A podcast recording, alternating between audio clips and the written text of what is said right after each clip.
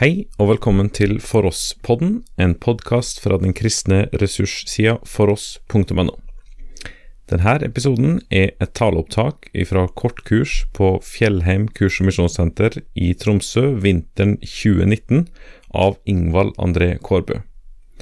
Overskrift over serien er Jesaja og løftet om Guds kongedømme, og dette er den første timen, innledning. Denne uka skal jeg få være med dere og ha en del undervisning om Jesaja, profeten Jesaja. Og Overskriften for denne undervisningen det er 'Jesaja og løftet om Guds kongedømme'. Hvorfor den overskriften der er valgt, da skal jeg komme innom litt seinere i denne timen. Eh, for jeg, jeg, har en spesiell grunn til at jeg har valgt akkurat den overskriften. Men sånn som det kommer til å bli nå, så skal vi ha to timer i dag. Den første timen så ble det litt innledning for å prøve å forstå litt den historiske sammenhengen som profeten Jesaja levde i, og boken skrev i. Og så skal vi i neste time begynne med Jesaja kapittel 6. Og så kommer vi til å stoppe opp for en del ulike kapittel utover. Men eh, det er 66 kapittel til sammen i Jesaja, som har ikke anledning til å gå inn i hvert ett av dem nå. Dessverre. Vi skal begynne denne timen aller først med å be.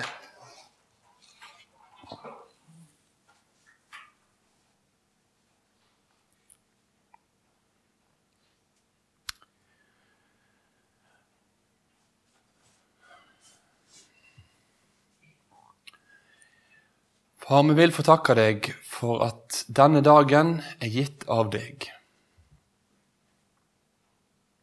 At du har gitt en ny nådedag. At du har gitt en ny dag til vitnesbyrd om at du stadig vil at flere mennesker skal bli frelst og lære sannheten å kjenne. Så vil vi få takke deg for at du er den uforanderlige Gud. At du alltid er den samme, og at vi kan få ha vår tillit til at sånn som du var, ja, sånn er du, og sånn vil du alltid være. Og takk for at vi derfor kan tro at ditt ord da gir oss et møte med deg, sånn som du er i din herlighet. Og Da ber vi deg for, når det gjelder denne undervisningen, at det kunne få være undervisning som hjelper oss til å forstå mer av hva du har sagt i ditt ord. Hjelp oss til å forstå mer av hvordan du er, for. Og hjelp oss til å se hvordan dette her òg må få føringer for vår hverdag og våre liv.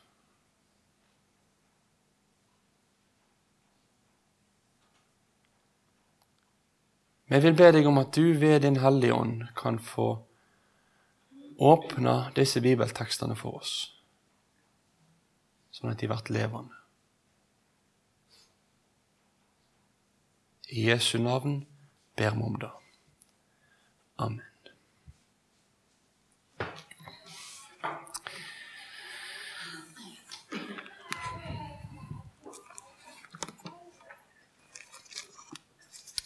Jeg fikk kanskje ikke sagt sånn formelt 'velkommen' til dere. Men det må jeg si nå. Velkommen skal det være, hver og en. Om det har vært her før eller ikke. Når vi skulle sette opp timeplanen for eh, årets kortkurs, eh, så har vi et ønske om at de ulike ukene skal det være litt kombinasjon av ulike typer emner. Noen emner fra Gamle testamentet, noen fra Nytestamentet, og noen emner som er litt mer generelle knytta til den kristne trua. Og Sånn er det òg denne uka. Vi har noe fra Paulus, vi har en del enkeltemner, og så har vi en del ifra Jesaja. Men eh, hvorfor akkurat Jesaja-boka? Hvorfor er det akkurat denne boka her vi skal bruke tid på i dag?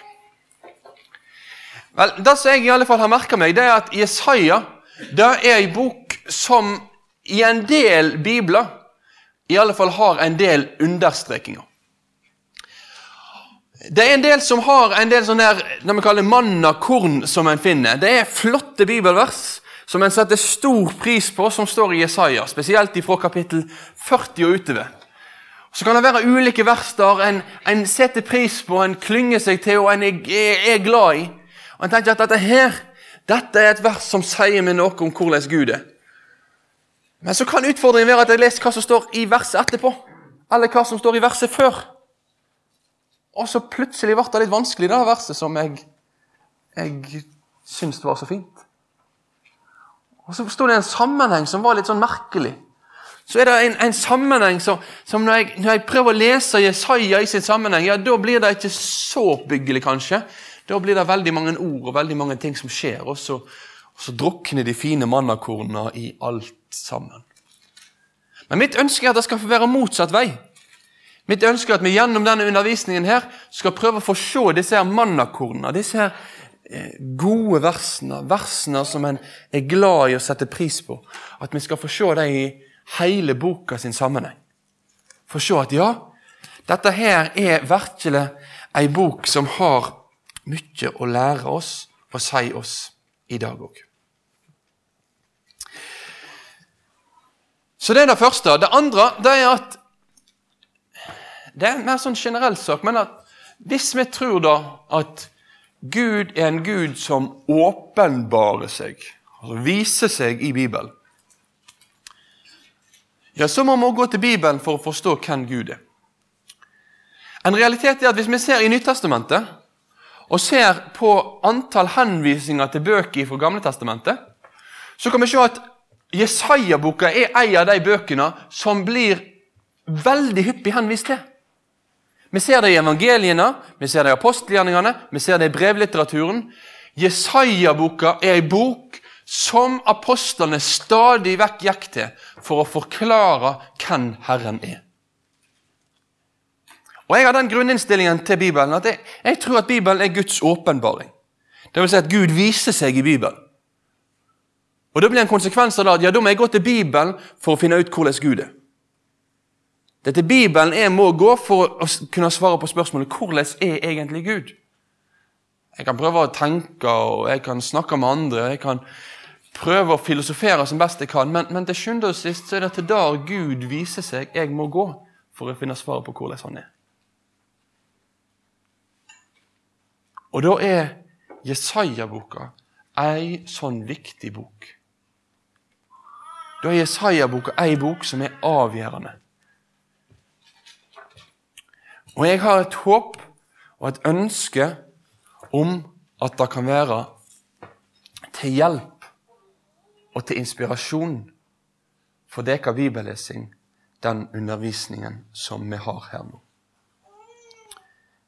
At jeg kan reise hjem fra kortkurs og lese Jesaja tenke at ja, nå skal jeg bruke litt tid på denne boka her framme og prøve å forstå den.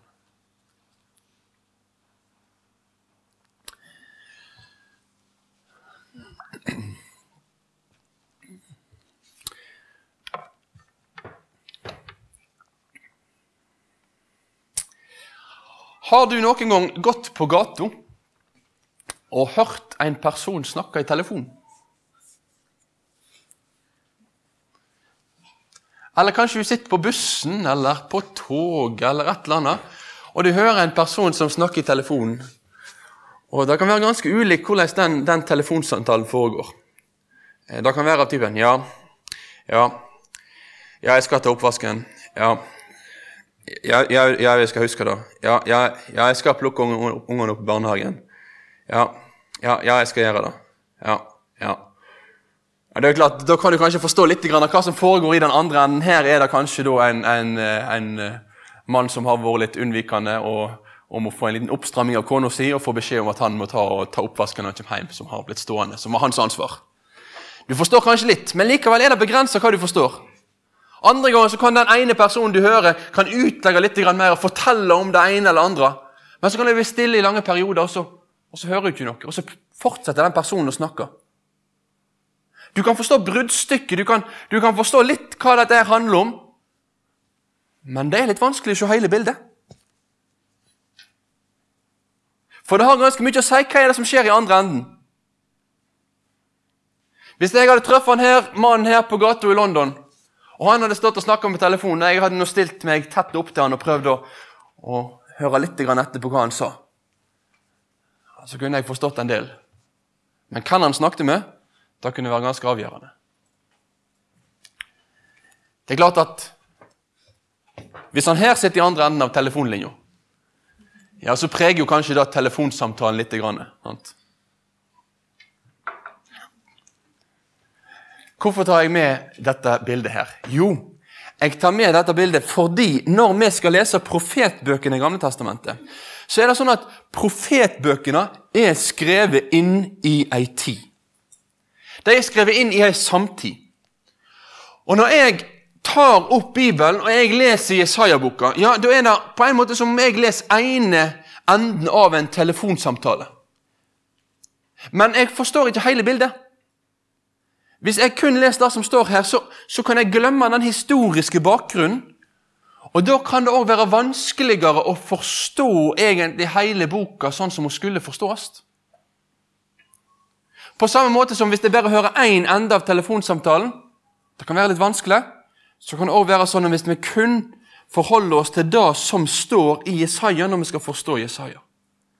Vi må forstå boka i lys av si samtid. Vi må forstå boka inn i den sammenhengen der dette her er sagt. Og Da skal vi ta et femminutters kurs om Israels historie. Så da er det klart for nå. En sånn kjapp gjennomgang. Vi begynner med at Abraham han blir kalt av Herren til at han skal bryte opp ifra sitt land og reise til Kanaanslandet, som Gud skal gi Abraham og hans etterkommere. Han skal få ei slekt, han skal få et land, og hans slekt skal bli til stor velsignelse.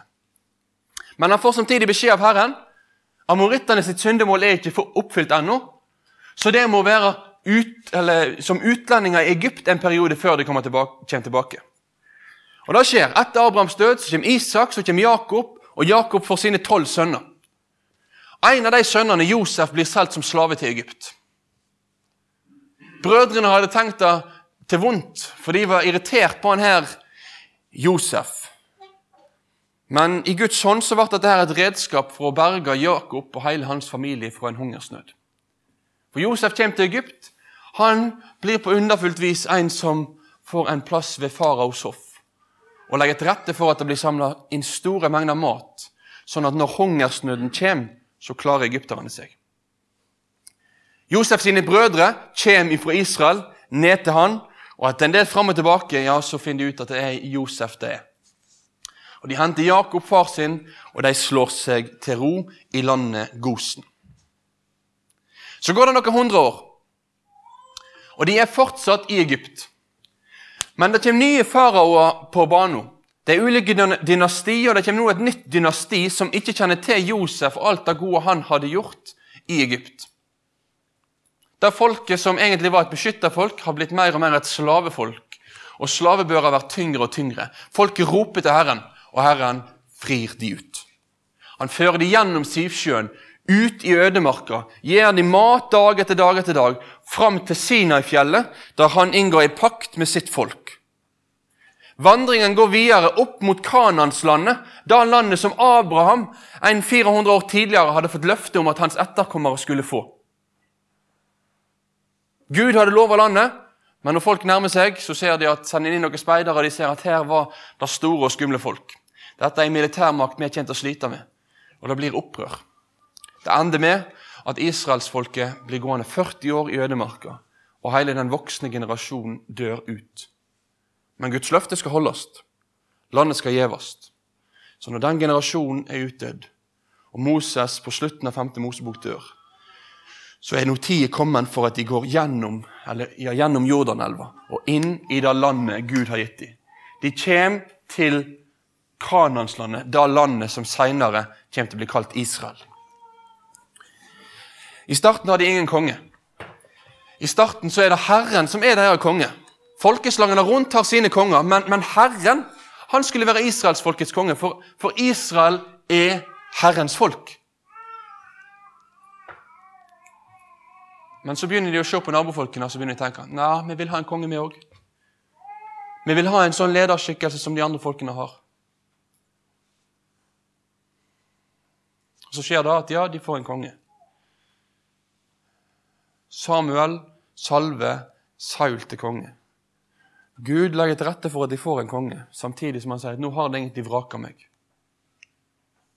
Saul blir den første kongen, og det tar ikke lang tid før hans liv òg sporer av. Han blir grepen av en form for hovmod, opptatthet av seg sjøl og sine prestasjoner. Og han blir raskt vraka som konge. Den nye kongen David kommer.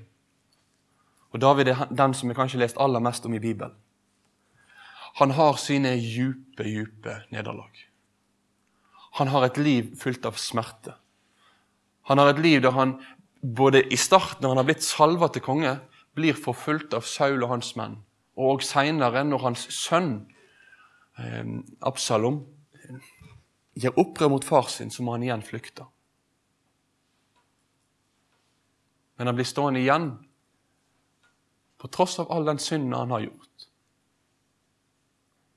Som den kongen som var en konge etter Herrens hjerte. Han fikk vende om til Herren med sin synd.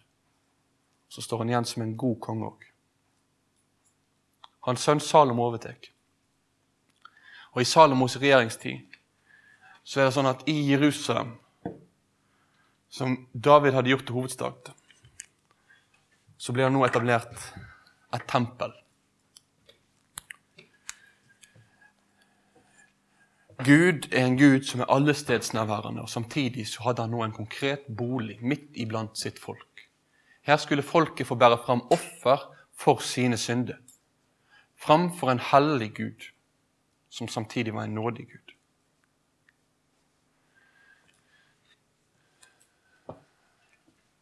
Men Salomos liv går mot slutten.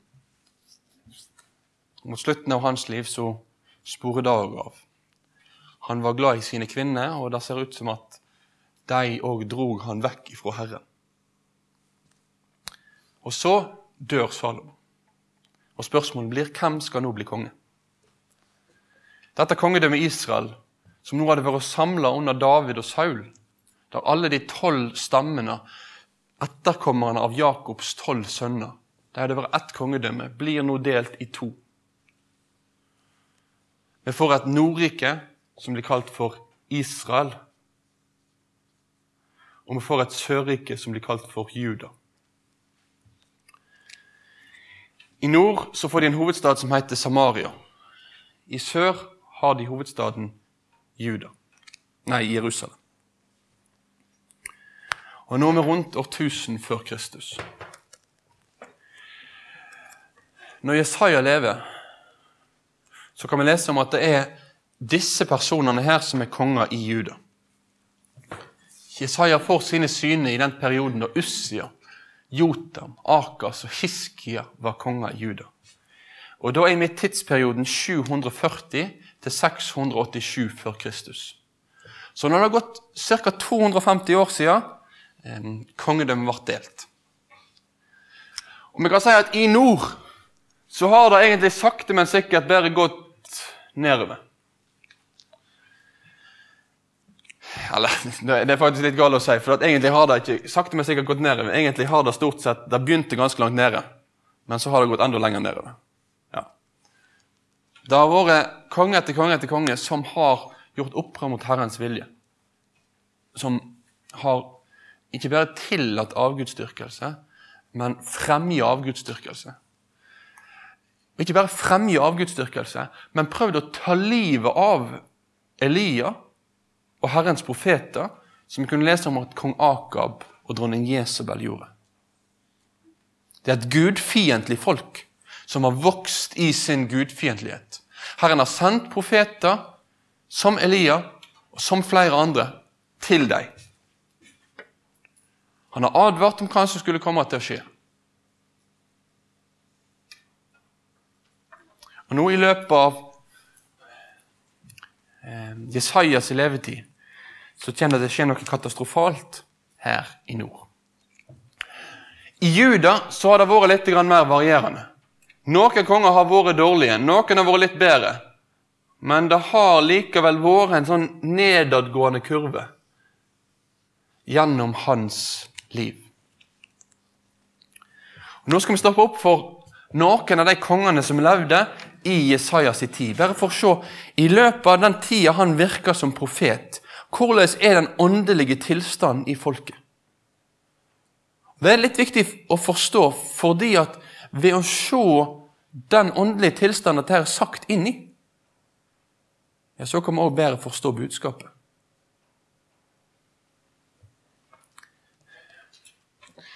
Det begynner med kong Ussia.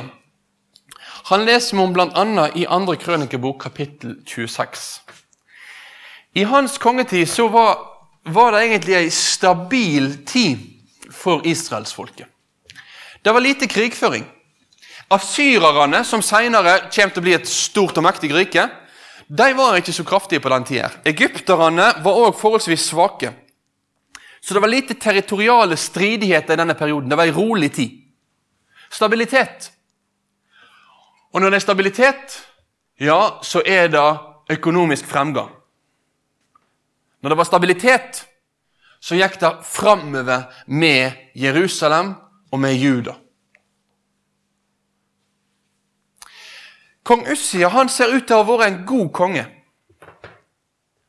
Han får et godt vitnesbyrd i både kongebøkene og i krønikebøkene. Men det er én sak som har vært nevnt knytta til Ussia. Og det er at etter hvert som gullet vokser, etter hvert som makta blir større, så blir Ussia hovmodig.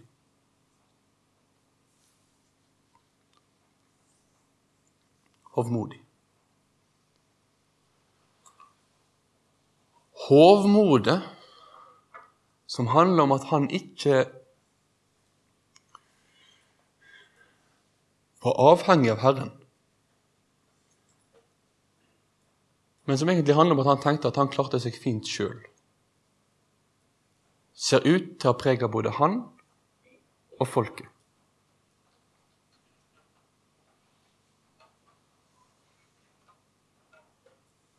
For veldig ofte i historien så ser vi at sånn som det går med kongen, sånn går det med folket.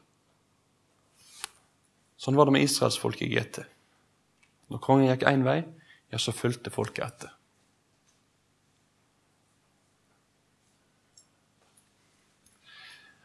Etter han så kommer hans sønn Jotam og blir konge. Og Han skal vi ikke stoppe så mye opp for, men vi skal gå til den neste kongen, nemlig kong Akas. Han ble nevnt bl.a. i andre kongebok, kapittel 16.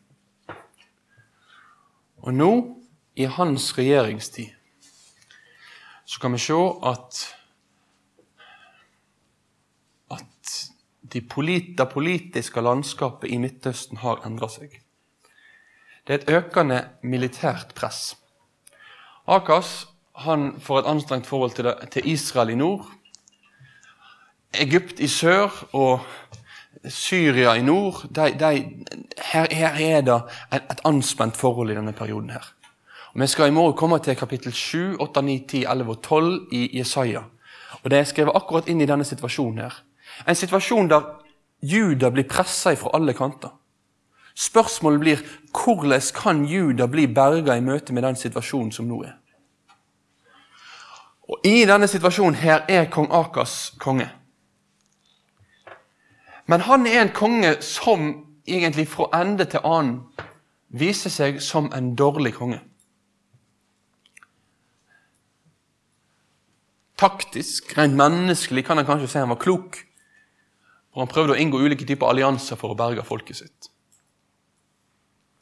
Men det er ikke sånn at noen militærallianser kunne berge Israel. De var avhengig av Herren. Kong Akas han ser ut til å ofre barna sine til Gud som heter Moloch. Han eh, går inn i tempelet i Jerusalem og setter opp avgudsbilder der. Sånn er den kongen som vi møter i Jesaja 7-12.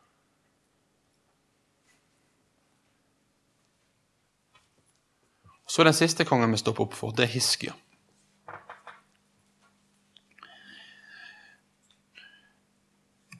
Når Hiskia blir kongen,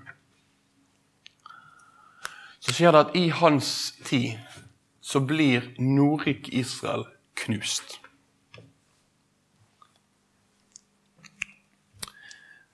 Det er den djupeste krisen i israelsfolkets historie.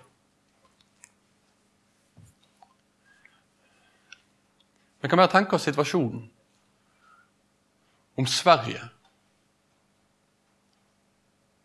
hadde blitt invadert. Stockholm blitt jevna med jorda. Svensker tvangsdeportert til hele det landet som hadde okkupert dem. Og ikke nok med det, men i Juda, nei, i Hiskias regjeringstid så er det sånn at asyrerne som knuste Israel, de kommer nå òg over grensa inn i Juda.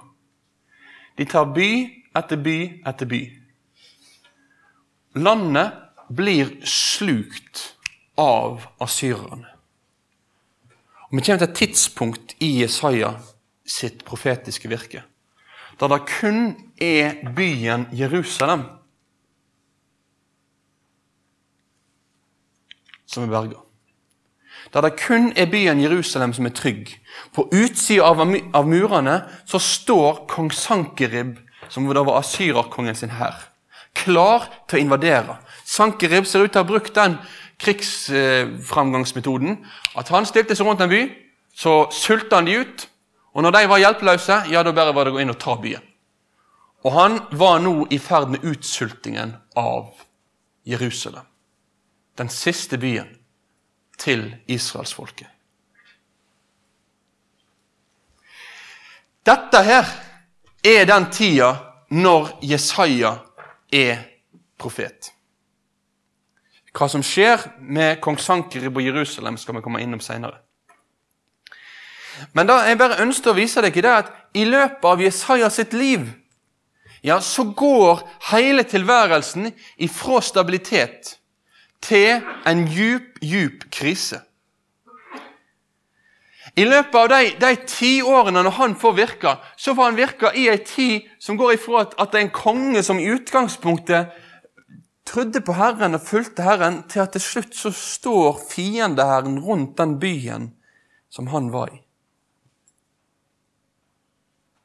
Det er en tid der en del av kongene har ikke bare akseptert, men fronta avgudsdyrkelse. Det er en tid der det å tilhøre Herren ikke alltid har hatt like gode arbeidsvilkår. Men midt i denne tida her, så hadde Herren kalt Jesaja til å være profet.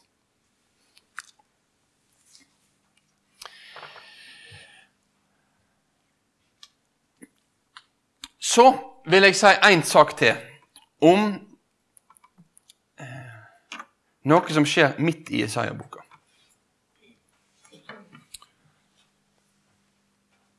Og Nå har jeg prøvd å si litt om den historiske sammenhengen som dette her er sagt i.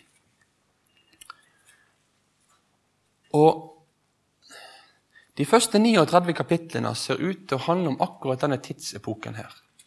Med disse kongene, med beleiringen av Jerusalem osv. Men så kommer vi til kapittel 40 i Jesaja-boka. Og da virker det som det er noe som skjer. Fram til kapittel 40 så, så har det i stor grad vært en altså det, det, har vært ulike emner som har vært framme, men det har vært ganske mye domsord. Det har vært ganske mye fokus på at Gud er den Gud som holder israelsfolket og de andre folkene ansvarlig for deres synder. Men nå er det noe som skifter. Hvis vi ser på gamle hebraiske tekster, så kan vi se at det ikke er noe sånn tydelig brudd her. Her er en sånn skriftrull som eh, Det gamle testamentet var skrevet ned på. Og her er bare et, et sånt en screenshot av den Jesaja-rullen, som nok er den eldste som en har, og som har vært brukt ved ulike oversettelser. og sånt. Og denne rullen her viser at det er ikke noe sånn stort brudd i teksten fra kapittel 39 til kapittel 40. Men i innholdet så er det et skifte. I innholdet så er det noe nytt som kommer sterkere fram nå fra kapittel 40 av utover. Det er en ny tone, skriver jeg, som blir pregende. Trøstetonen. Og Det er nok litt av grunnen til at ofte så har siste del av Jesaja-boka blitt omtalt som trøsteboka.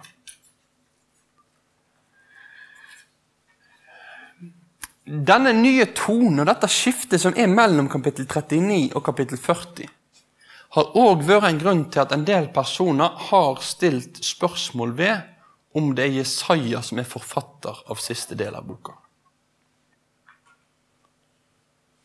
En har dermed begynt med ulike forfatterteorier og snakket om en andre Jesaja og en tredje Jesaja, og at en nå skal tilskrive ulike deler av boka til disse ulike personene. Og tanken er da at nei, ifra kapittel 40 av og utover, det ser ikke helt ut til å passe inn på 700-tallet. Det ser ut, til å passe inn på et tidspunkt seinere i historien. Men når jeg, når jeg leser i, i teksten så gir teksten meg et hint om hva dette skiftet her egentlig handler om, tenker jeg. Og det er at Når vi kommer til kapittel 39, så har Hiskia, han som var kongen når Jerusalem var, var omringa, han har nå, etter omringelsen av Jerusalem, etter at Sankeribs her flykta, på nytt fått besøk. Men nå har jeg fått besøk fra en annen by. Nå er det ikke asyrerne som kommer. Nå er det noen fra Babel en ny, stor by borte i øst. Der kom på besøk til han. Og Hiskia han er tydelig stolt over all rikdommen i tempelet. Så han har tatt med seg disse babylonerne, og han har vist dem rundt. Og han har bare sagt 'Se her, se alt vi har. Jeg viser deg alt'. Så kommer Jesaja til han, og så sier han 'Hva er det du har gjort?'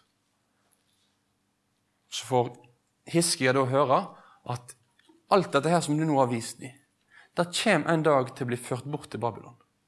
Og De kommer til å ta en del av sønnene dine og etterkommerne dine og de kommer til å gjøre det til sine hoffmenn. Så Jesaja 39 avslutter med en profeti om at en dag så skal babylonerne invadere byen.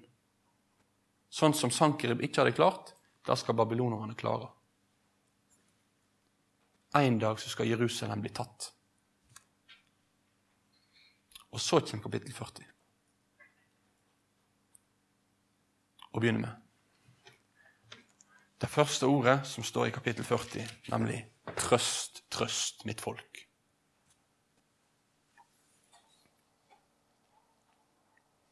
Kanskje det er akkurat det som er poenget. At kapittel 40 av vår utøve er et trøstebudskap i lys av den framtidige tragedien. Jesaja har sagt hva som kommer til å skje. Men når babylonerne kommer til å invadere Jerusalem, så kommer vi med budskap om at det er trøst å få. Alt håp er ikke ute. Gud har ikke forlatt sitt folk.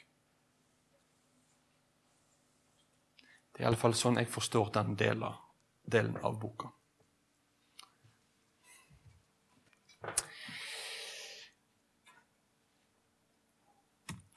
Nå skal vi komme til det som var overskriften for timen, eller for temaet. Og da skal vi nærme oss landing av denne timen òg. Er det noen som ser hva dette her er? Nå må det hjelpe meg med det. Jeg tok et bildesøk på Google, så det kan være noe helt annet enn det jeg egentlig vil det skal være. Men da jeg prøvde å søke etter på Google, hva tror du det var? Ja, det er en sånn metalldetektor. Helt rett, eh, Soraya. Så hvis du skal lete etter metall, ja, så kan du ta en sånn metalldetektor og gå rundt. Hvorfor har jeg bilde av en metalldetektor her nå? Jo, da har jeg fordi hva jeg leter etter, avgjør òg hva jeg finner. Hvis jeg går rundt med en metalldetektor for å lete etter snø så hjelper ikke det meg så veldig mye. Men hvis jeg går rundt med et jeg vet ikke, en snøball for å prøve å finne metall, ja, så hjelper ikke det meg så veldig mye da heller. Poenget er at en har redskap for å finne noe.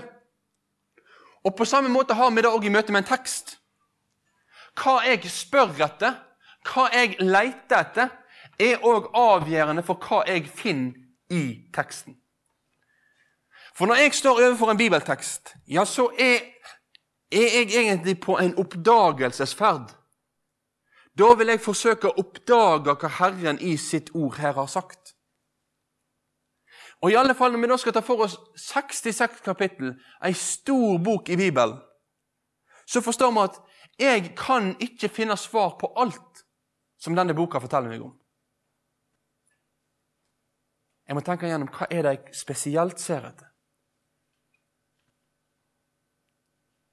Og i møte med Bibelen, på oppdagelsesferdig Bibel, ja, så mener jeg at det er noen spørsmål som er viktige å stille. Det er noen spørsmål som er avgjørende å stille. Og For meg i denne undervisningen så er det to hovedspørsmål. Det ene er et generelt spørsmål som jeg vanligvis alltid vil anbefale oss å stille oss i møte med Guds ord. Og det andre er er spesielt for Jesaja-boka. Når jeg leser i Bibelen for meg sjøl, eller jeg er i ei bibelgruppe, eller jeg sitter på undervisningsbenken Hva er det mest fundamentale spørsmålet jeg kan stille til teksten? Jo, jeg mener at det er hva tekstene lærer oss om Gud. Det er iallfall det rådet jeg prøver å gi til bibelskoleelever når de spør hva skal, når jeg skal lese i Bibelen. Hvordan skal jeg gjøre dette? Så er det noe jeg først si, Tenk over hva lærer den teksten deg om Herren. Les du i evangeliene om Jesus og det han gjør. Når du leser om Jesu undergjerninger, ja, spør deg sjøl hva lærer denne teksten meg om hvem Jesus er, og hva han gjør. Når jeg leser i Gamle Testamentet, i Jesaja-boka, så må jeg spørre meg spørsmålet hva lærer denne teksten meg om hvordan Gud er, og hvordan han handler? Hvorfor er disse spørsmålene avgjørende? Jo, fordi jeg er overbevist om at Bibelen er Guds åpenbaring. Gud viser seg det er her han møter meg. Og Da er det det første og det viktigste spørsmålet å stille seg. Hvordan, Gud, viser du deg her? Hvordan, Gud, blir du synlig i denne teksten? Det er det ene spørsmålet. Og det andre spørsmålet da er Hva lærer tekstene i Jesaja-boka oss om Guds kongedømme og Han som styrer der. Gjennom Jesaja så er en av de hovedtrådene som ser ut til å gå, det er en tråd knytta til at alle jordiske folkeslag står ansvarlig under Herren. Men Herren er den sanne kongen, og han skulle en dag skape et nytt kongerike. Et nytt rike som var annerledes enn alle jordiske kongeriker. Han skulle sette inn en hersker der. Han skulle gripe inn for å frelse sitt folk og samle dem i ett rike. Så et løfte om Messias og et løfte om Messias sitt rike. Så dette her kommer til å være vårt hovedfokus når vi nå i neste time endelig skal ta og begynne med selve bibeltekstene. Da skal vi stoppe opp for hva som står i Jesaja-boka. Da skal vi bruke tid på hva den lærer oss om Herren, om Hans kongedømme. Du har nå hørt et taleopptak fra kortkurs på Fjellheim kurs- og misjonssenter i Tromsø, som er tatt opp vinteren 2019 av Ingvald André Kårbø i serien Jesaja og løftet om Guds kongedømme. Dette var første time. Finn flere ressurser, og vær gjerne med å støtte oss på foross.no.